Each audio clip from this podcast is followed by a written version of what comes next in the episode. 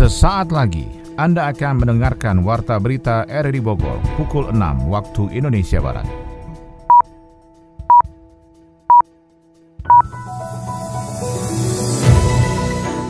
Selamat pagi dan salam jumpa. Kami kembali hadir dalam Warta Berita Pagi ini Jumat 8 Desember 2023. Siaran ini juga dapat Anda dengarkan melalui audio streaming RRI Digital pada perangkat Android Anda, serta dapat Anda dengarkan kembali melalui podcast kami di Spotify, Anchor, Potel, dan juga Google Podcast. Berikut kami sampaikan berita utama.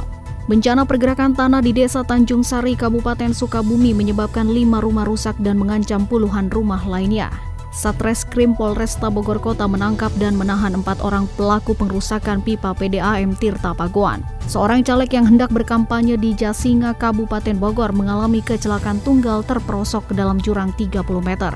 Bersama saya Ermel Bekata inilah Warta Berita RRI Bogor selengkapnya.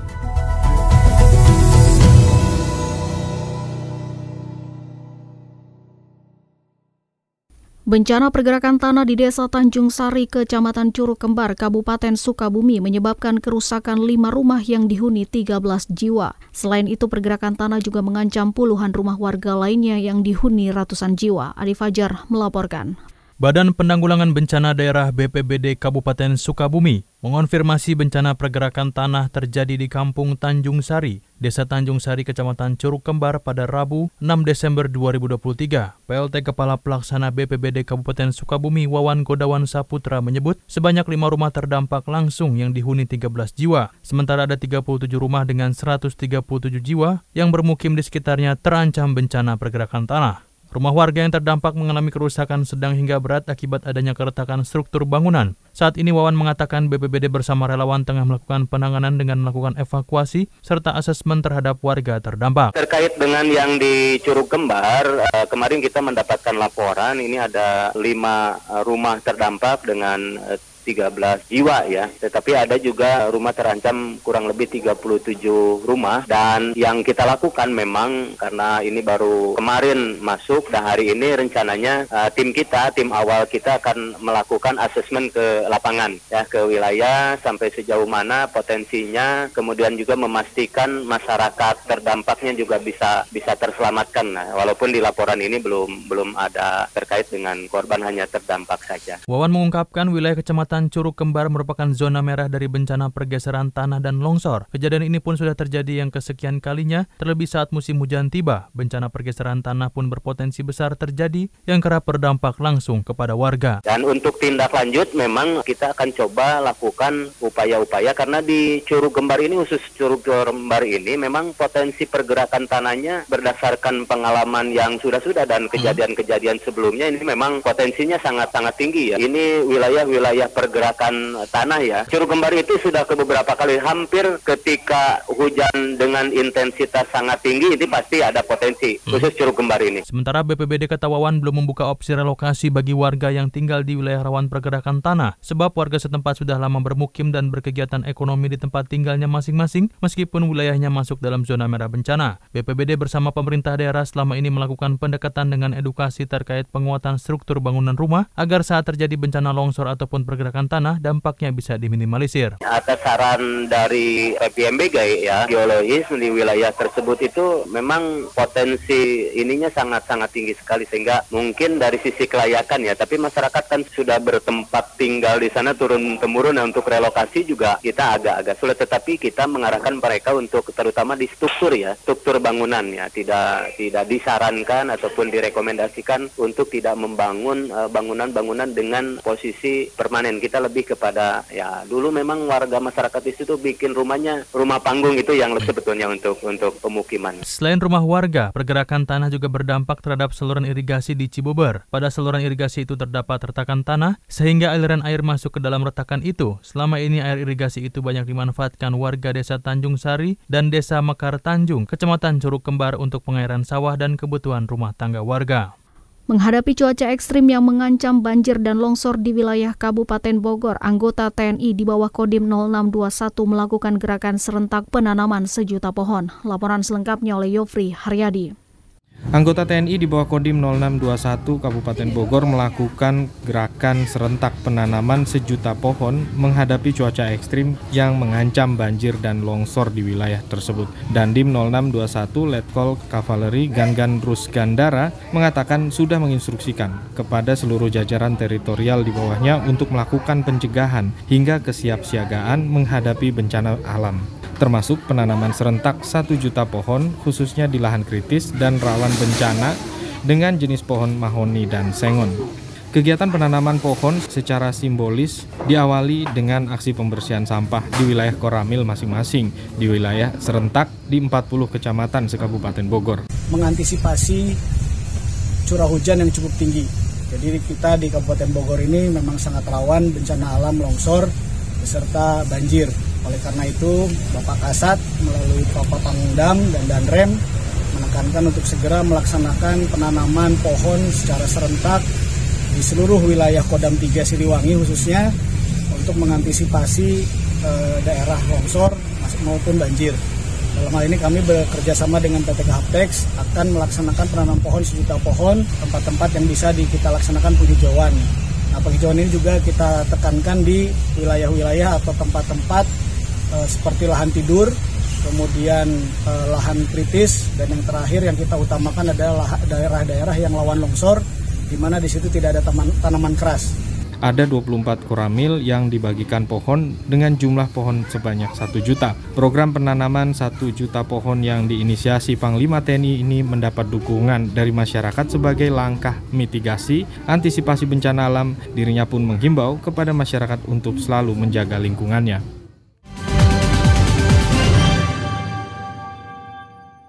Satuan Reserse Kriminal Polresta Bogor Kota melakukan penangkapan empat orang pelaku pengrusakan pipa PDAM Tirta Pakuan. Keempat pelaku nekat melakukan pengrusakan karena kesal pihak PDAM tak kunjung mengganti rugi lahan miliknya yang dilewati pipa air. Laporan selengkapnya oleh Sony Agung Saputra.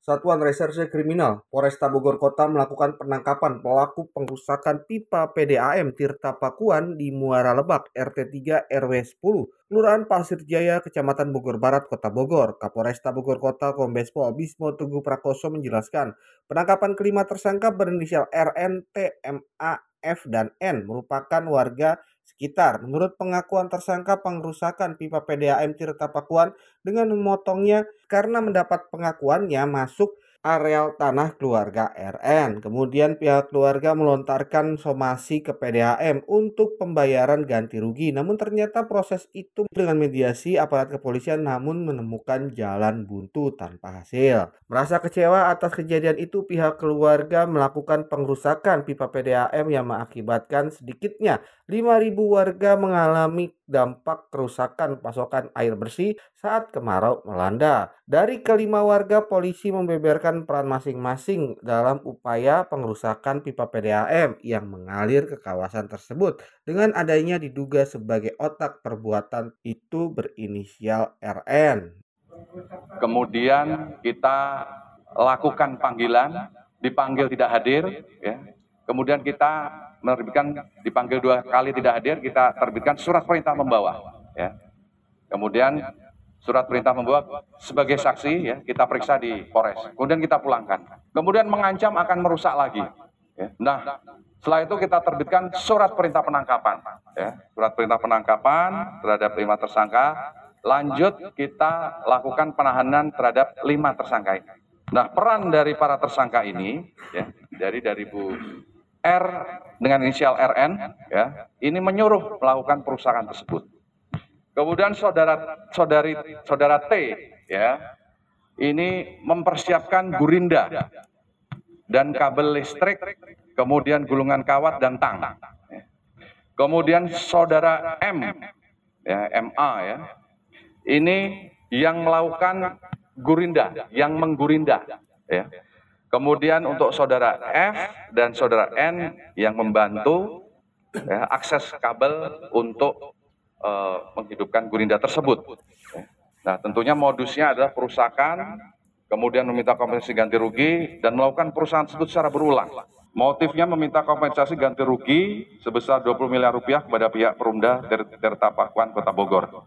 Polisi mengenakan tersangka Dalam kasus tersebut, pelanggaran pasal berlapis 406 dan 408 KUHP dengan ancaman hukuman mencapai 5 tahun penjara. Sementara itu, pengacara tersangka Celestibus Alo mengungkapkan kliennya mendapatkan perlakuan tidak menyenangkan saat proses penangkapan bahkan terindikasi menjadi korban penyekapan. Selama ini kliennya merasa tanah di atas lahannya sehingga meminta ganti rugi kepada pihak PDAM atas penggunaan pipa tersebut. Namun ternyata pihak direksi PDAM tidak mengindahkan tuntutan itu sehingga pihaknya melakukan tindakan mencabut pipa tersebut. Yang dilakukan oleh Polres Kota Bogor itu adalah bukan penahanan, tapi penyekapan. Karena apa? Karena tidak ada dasar hukumnya. Mereka mentersangkakan, menangkap dan menahan klien saya menggunakan pasal 170 ayat 1.3 KUHP. Coba rekan-rekan dan semua ahli hukum, mahasiswa hukum, cek di KUHP. Ada tidak pasal itu? Itu pasal yang diciptakan mereka untuk menahan klien saya maka itu bukanlah penegakan hukum yang benar. Polisi adalah penegak hukum. Menegakkan hukum tidak boleh melanggar hukum. Itu prinsipnya. Kalau melanggar hukum, mereka juga bisa dipenjara.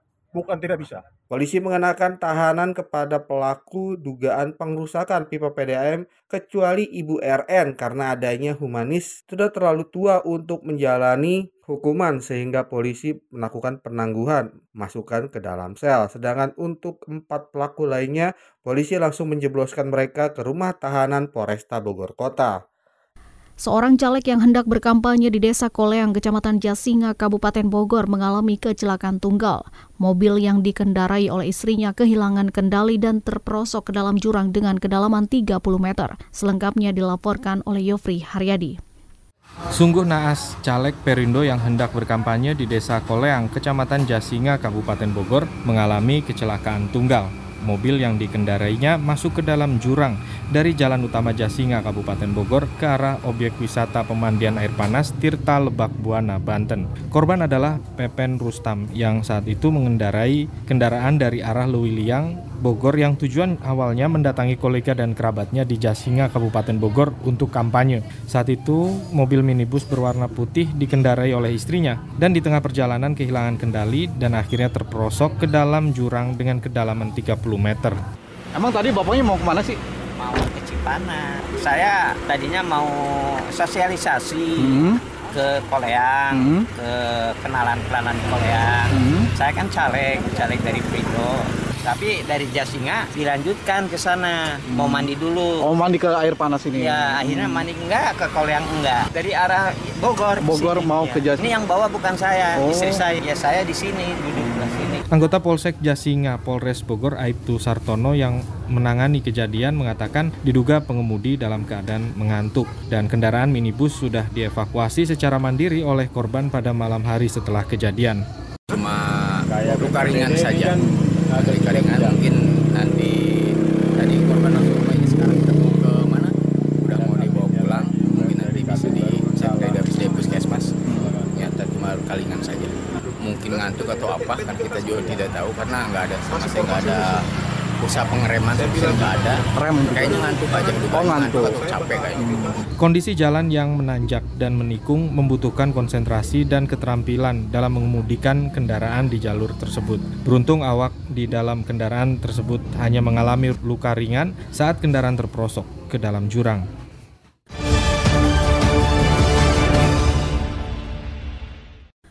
Kejaksaan Negeri Kota Sukabumi memusnahkan barang bukti tindak kejahatan hasil pengungkapan kasus lima bulan terakhir. Adi Fajar Nugraha melaporkan. Kejaksaan Negeri Kota Sukabumi bersama Polres Sukabumi Kota memusnahkan sejumlah barang bukti hasil tindak kejahatan dari pengungkapan kasus dalam lima bulan terakhir. Pemusnahan itu hasil barang bukti dan perampasan dari total 72 perkara. Kepala Kejaksaan Negeri Kota Sukabumi Setiowati mengungkap, Adapun barang bukti yang dimusnahkan di antaranya berupa narkotika jenis sabu dan ganja, ribuan butir obat keras terbatas atau OKT, dan senjata tajam. Adapun barang bukti dari 72 perkara itu telah berkekuatan hukum tetap atau ingkrah. barang yang dimusnahkan dari kejahatan narkotika, sabu-sabu seberat kurang lebih 400 gram, ganja kurang lebih seberat 240 gram, handphone sebanyak 18 unit, timbangan digital sebanyak 8 buah. Dari Undang-Undang Kesehatan, tramadol sebanyak 25.604 butir, Riklona sebanyak 30 butir, Mesimer sebanyak 39 536 butir, Alprazolam sebanyak 148 butir dari Undang-Undang Darurat Nomor 12 Tahun 2000 eh, tahun 1951 senjata tajam 5 buah. Setiawati menyebut dari puluhan penanganan perkara kasus narkotika masih mendominasi di kota Sukabumi selama periode Juni hingga awal Desember 2023. Dari 72 perkara yang ditangani, 33 perkara di antaranya merupakan kasus narkotika. Hal ini harus menjadikan kesadaran bersama agar seluruh pihak berkomitmen dalam memerangi peredaran barang haram tersebut. Kalau ini kan dari bulan Juni 2023 sampai Desember 2023, ya, 72 perkara. Kalau di kota Sukabumi ini perkaranya yang banyak itu tramadol ya, karena tramadol itu mungkin dijual bebas. Lebih lanjut, pihak Kejaksaan Negeri Kota Sukabumi pun selalu berkoordinasi dengan kepolisian untuk terus mencegah dan memberantas penyalahgunaan narkotika maupun obat-obatan, termasuk penggunaan senjata tajam dan beberapa jenis kejahatan lainnya. KPU Kabupaten Bogor mulai menerima logistik pemilu 2024, mulai dari surat suara, tinta pemilu, segel, dan juga segel kabel tis. Selengkapnya dilaporkan oleh Yofri. Logistik pemilu 2024 satu persatu mulai diterima di gudang KPU Kabupaten Bogor di Desa Bantarjati, Kecamatan Kelapa Nunggal, Kabupaten Bogor. 15.228 kotak suara pemilihan presiden dan wakil presiden telah dirakit yang akan menjadi tempat penyimpan logistik pemilu mulai dari surat suara, tinta pemilu, segel dan alat coblos, segel kabel tis menghadapi persiapan pemilu 14 Februari 2024 nanti. Dijelaskan PLT Ketua KPU Kabupaten Bogor Heri Setiawan, surat suara dan dokumen lainnya yang tiba dari percetakan di Bawen Semarang Jawa Tengah menggunakan truk wing dan hilir mudik tiba di gudang induk KPU Kabupaten Bogor. Rencananya kami sore dari percetakan di Semarang Jawa Tengah sebanyak 3.974.004 suara akan tiba di gudang induk KPU Kabupaten Bogor untuk surat suara DPR RI. Menyusul surat suara lainnya untuk DPD RI, DPRD Kabupaten Bogor dan DPRD Provinsi. Untuk berikutnya nanti akan kedatangan kotak suara dari eh surat suara dari uh, DP DPRD provinsi dari Semarang. Hari ini juga kami sudah uh, kedatangan surat suara uh, DPR RI hmm. sebanyak 3.974.004 suara eh 4 uh, surat suara. Jadi uh, selain surat suara presiden eh surat suara DPR RI nanti kami juga akan menerima surat suara DPD provinsi dari Semarang hmm. dari Bawen uh, Kabupaten Semarang. Hmm. Nah selain itu kami masih menunggu surat suara presiden dan wakil presiden serta surat suara DPD RI dan surat suara DPD Kabupaten Bogor. Lebih lanjut, Heri menambahkan melakukan supervisi pada kualitas cetak surat suara dan logistik pemilu KPU Kabupaten Bogor sesuai dengan peraturan KPU RI wajib memeriksa dan mengawal pengiriman logistik dari percetakan menuju gudang induk KPU Kabupaten Bogor. Gudang dengan luas bangunan 1,2 hektar terdapat kantor sekretariat untuk pengamanan terpadu dari TNI Polri termasuk Bawaslu Kabupaten Bogor dijaga ketat dan steril selain aktivitas penyelenggara pemilu.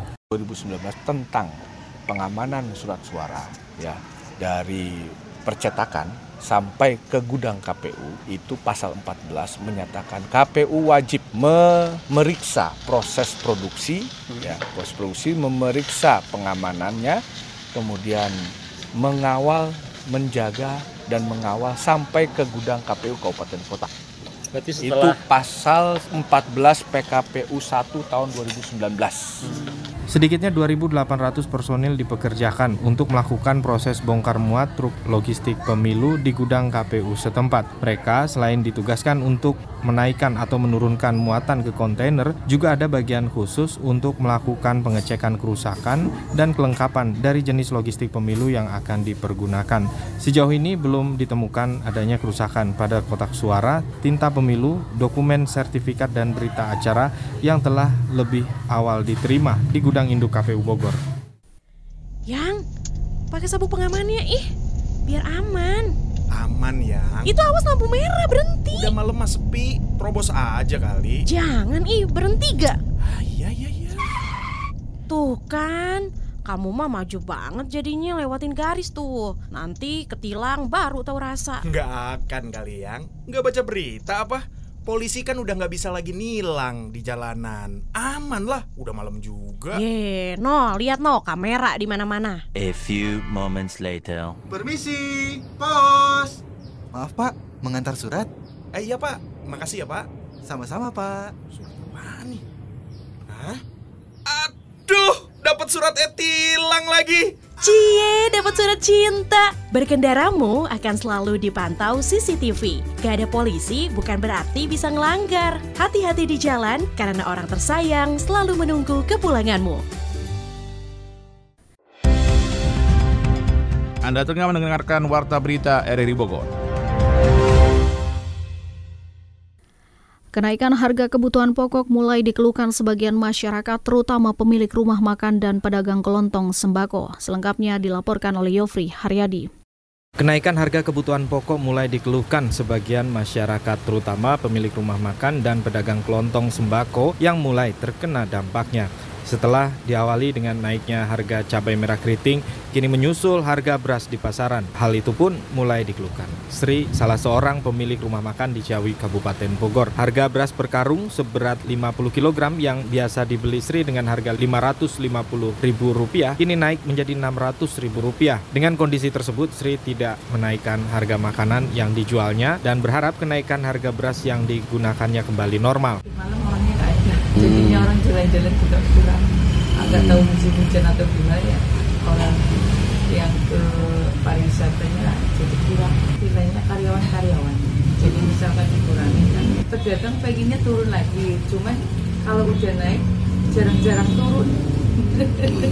Kalau udah naik jarang-jarang turun. Paling misalkan beras tuh dari sekarungnya tuh 550 naiknya sekarang 600 turunnya paling entar kalau pas musim panen gitu kan jadi 500 paling 575 paling turunnya tuh per karung Untuk mensiasati kenaikan harga beras tersebut, pemilik rumah makan mengurangi porsi nasi dan pemakaian bumbu dan bahan pokok lainnya. Hal tersebut secara otomatis menurunkan keuntungan pedagang. Beberapa alasan naiknya harga beras tutur Sri akibat berkurangnya pasokan beras dari tingkat distributor lantaran gagal panen akibat pengaruh cuaca buruk.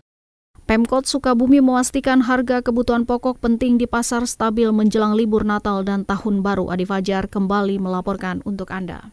Menjelang libur Natal dan Tahun Baru atau Nataru, harga sejumlah kebutuhan pokok di pasar kota Sukabumi masih dalam kondisi yang stabil. Hal itu diungkapkan PJ Wali Kota Sukabumi Kusmana Hartaji setelah meninjau harga kebutuhan pokok penting atau Bapokting di beberapa lokasi pasar pada Rabu dan Kamis kemarin. Komoditas yang harganya terbilang masih stabil tinggi, yakni beras kualitas premium yang masih di angka Rp14.000, sementara untuk beras SPHP Bulog masih seharga Rp10.900 per kilogram. Sementara untuk cabai merah besar juga masih tinggi di kisaran Rp80.000 per kilogramnya. Untuk bapok ting yang lain, Kusmana mengungkap harganya relatif stabil dan ada beberapa komoditas yang mengalami penurunan. Untuk beras premium dan medium ya, itu masih di kisaran 13.500 sampai 14.000. Datanya masih masih stabil di angka itu gitu ya. Tapi untuk beras SPHP mah kan itu sudah standar ya, tetap 10.900. Selanjutnya untuk daging ayam broiler normal 35.000 per kilogram dan juga daging sapi ini alhamdulillah masih stabil di angka 130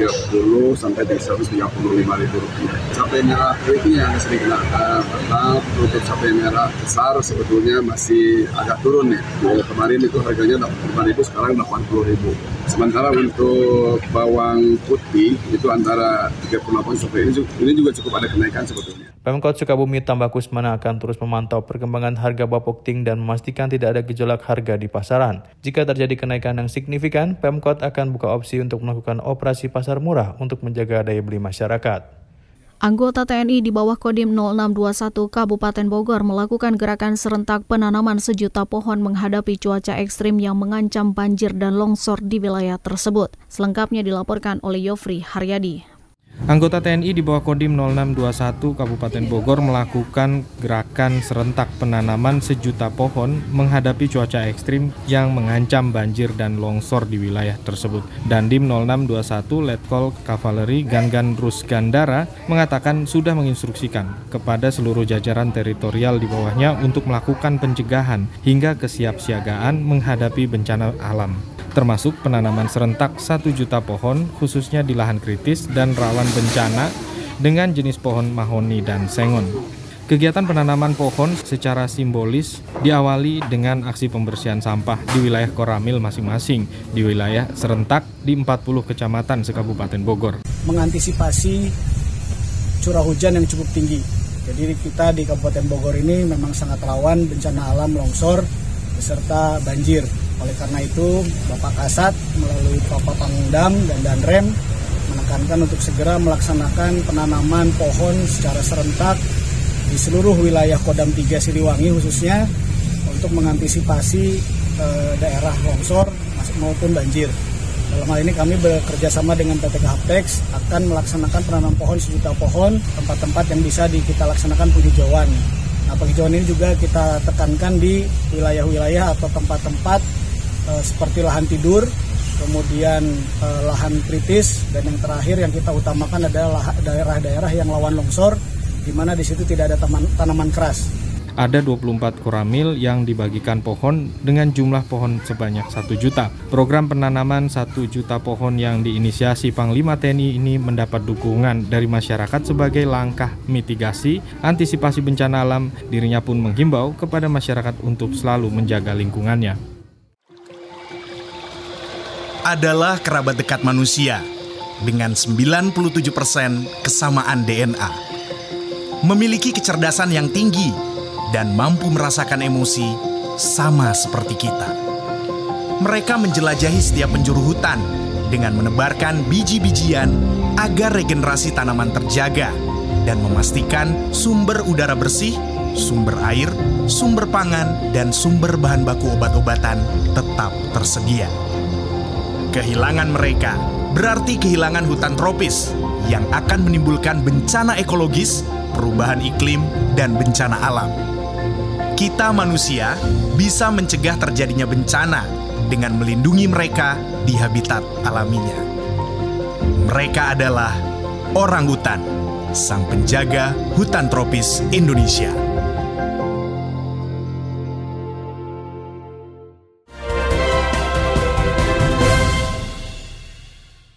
Warta Ekonomi Ekspor produk usaha mikro, kecil, dan menengah UMKM Indonesia baru menyentuh angka 15,7 persen. Perolehan investasi Indonesia terus meningkat dari tahun ke tahun. Warta ekonomi selengkapnya disampaikan oleh Adi Fajar Nugraha.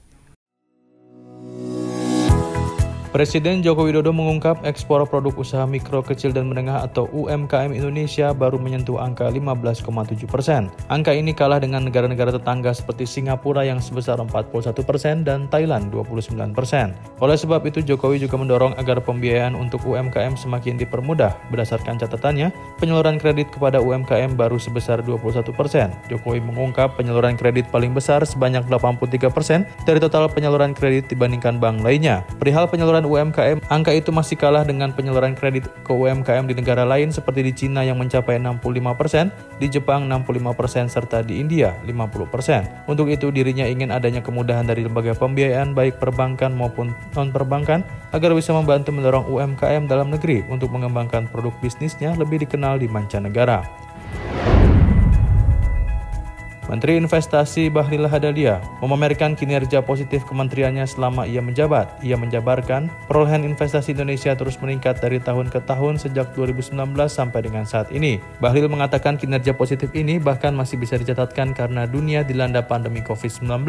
Capaian PMA atau penanaman modal asing di angka 52 hingga 53 persen, sementara penanaman modal dalam negeri atau PMDN saat ini di angka 47 hingga 48 persen. Bahlil mengatakan perolehan PMA Indonesia sendiri termasuk salah satu yang tertinggi di Asia Tenggara. Dalam skala benua, Asia Tenggara menjadi benua dengan perolehan PMA kedua tertinggi di susul Amerika. Bahlil mengingatkan pesan-pesan yang disampaikan oleh Presiden Jokowi untuk menggenjot investasi di tanah air. Pertama, Presiden Jokowi memintanya untuk mendorong investasi yang berkualitas. Hal ini pun tercapai di mana terlihat bahwa investasi Indonesia kini sudah tidak Jawa sentris. Maka sejak tahun 2020 kuartal 3 sampai dengan 2023 kuartal 3 dan 4, investasi di luar Pulau Jawa sudah lebih besar ketimbang di Jawa sendiri. Selain itu, Bahlil juga menyampaikan pesan Presiden agar investasi jangan hanya difokuskan untuk acara besar tetapi juga untuk UMKM. Sejalan dengan itu pada 2022, UMKM berkontribusi sebesar 340 triliun di luar total perolehan investasi yang sebesar 1.207 triliun rupiah.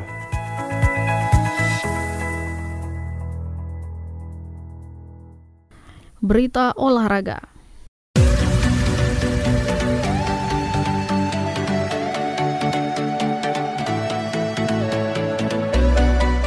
Usai mengirimkan para atletnya ikut seleksi pelatih tahap 2 di Bandung, belum lama ini jajaran pengurus dan pelatih cabang olahraga yang ada di NPCI Kabupaten Bogor kembali melanjutkan program pembinaan dan latihan kepada para atletnya. Ketua NPCI Kabupaten Bogor Muhammad Misbah mengatakan saat ini para atlet binaan NPCI akan kembali melakukan latihan di Pakansari. Para atlet NPCI Kabupaten Bogor yang belum lama ini ikut seleksi tahap kedua di Bandung memiliki potensi besar untuk masuk dalam skuad atau kontingen Jabar menuju Peparnas 2024 di Sumatera Utara. Utara. 10 atlet Bumi Tegar beriman bakal dipastikan masuk gerbong Tanah Pasundan. Yang kemarin yang uh, itu dari kita mengirimkan 30 yang seleksi tahap 2 itu diperkirakan 10 yang lolos.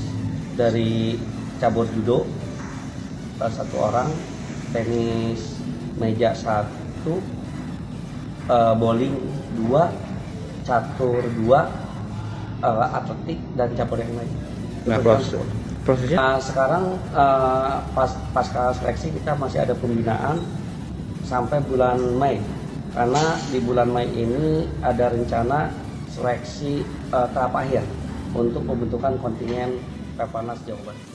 Saat ini juga Muhammad Misbah tengah mempertajam konsep atau program pembentukan sekolah khusus olahraga SKO disabilitas. Muhammad Misbah menjelaskan menurutnya SKOD Kabupaten Bogor merupakan satu keharusan bagi NPCI Kabupaten Bogor untuk menggali potensi dari kalangan atlet pelajar SLB yang ada di Kabupaten Bogor. Selain itu, SKOD Kabupaten Bogor juga akan menjadi salah satu opsi untuk melakukan proses regenerasi atlet NPCI Kabupaten Bogor ke depan. Selain itu juga pembahasan mengenai gaji atlet pun masih terus bergulir. Menurut Muhammad Misbah, dengan fasilitas lengkap ke depannya, NPCI Kabupaten Bogor bisa menghasilkan sumber daya atlet yang luar biasa. Terkait gaji atlet ini, Ripin Sembiring, Sekretaris Umum NPCI Kabupaten Bogor juga memiliki harapan yang besar. Menurut Ripin, pembinaan untuk cabur juga harus menjadi prioritas karena tentunya ini menjadi sebuah kebaikan dan kemajuan dunia olahraga Kabupaten Bogor kalau gaji atlet kita sampai saat ini masih per triwulan. Jadi per triwulan itu kita sampaikan ke atlet walaupun itu besarannya beda-beda sesuai dengan prestasi teman-teman Bu.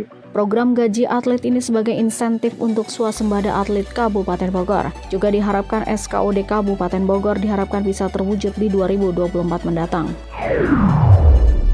Cabang olahraga para angkat berat menyumbangkan dua medali emas bagi kontingen Indonesia di ajang World Ability Sport Games 2023 yang digelar di Thailand sekaligus menjadi keping emas ke-12 bagi pasukan Merah Putih. Atlet angkat berat Abdul Hadi yang turun di nomor 49 kg putra meraih emas setelah mengumpulkan total angkatan 325 kg. Mengutip keterangan resmi dari Komite Paralimpiade Indonesia pada hari Kamis, Hadi sukses mengangkat beban seberat 160 kg yang merupakan beban terberat di antara para peserta lain lainnya untuk angkatan pertama. Namun Hadi gagal pada percobaan angkatan kedua seberat 165 kg.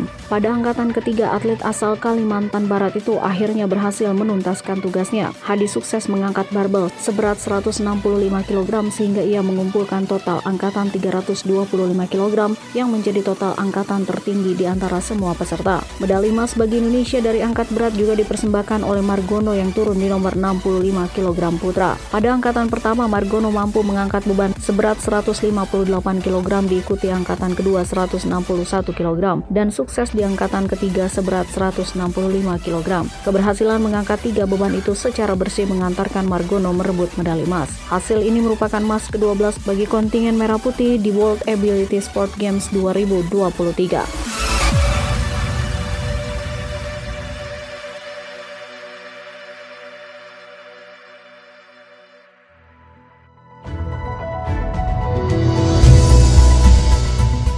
Demikian informasi yang dapat kami sampaikan dan berikut kembali kami sampaikan berita utama hari ini.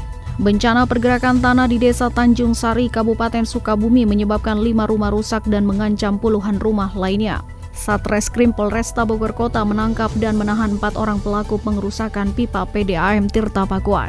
Seorang caleg yang hendak berkampanye di Jasinga, Kabupaten Bogor mengalami kecelakaan tunggal terperosok ke dalam jurang 30 meter. Saudara siaran ini dapat Anda dengarkan kembali melalui podcast kami di Spotify, Anchor, Potel, dan juga Google Podcast. Mewakili kerabat kerja yang bertugas hari ini, saya Armel Bekata mengucapkan terima kasih dan selamat pagi.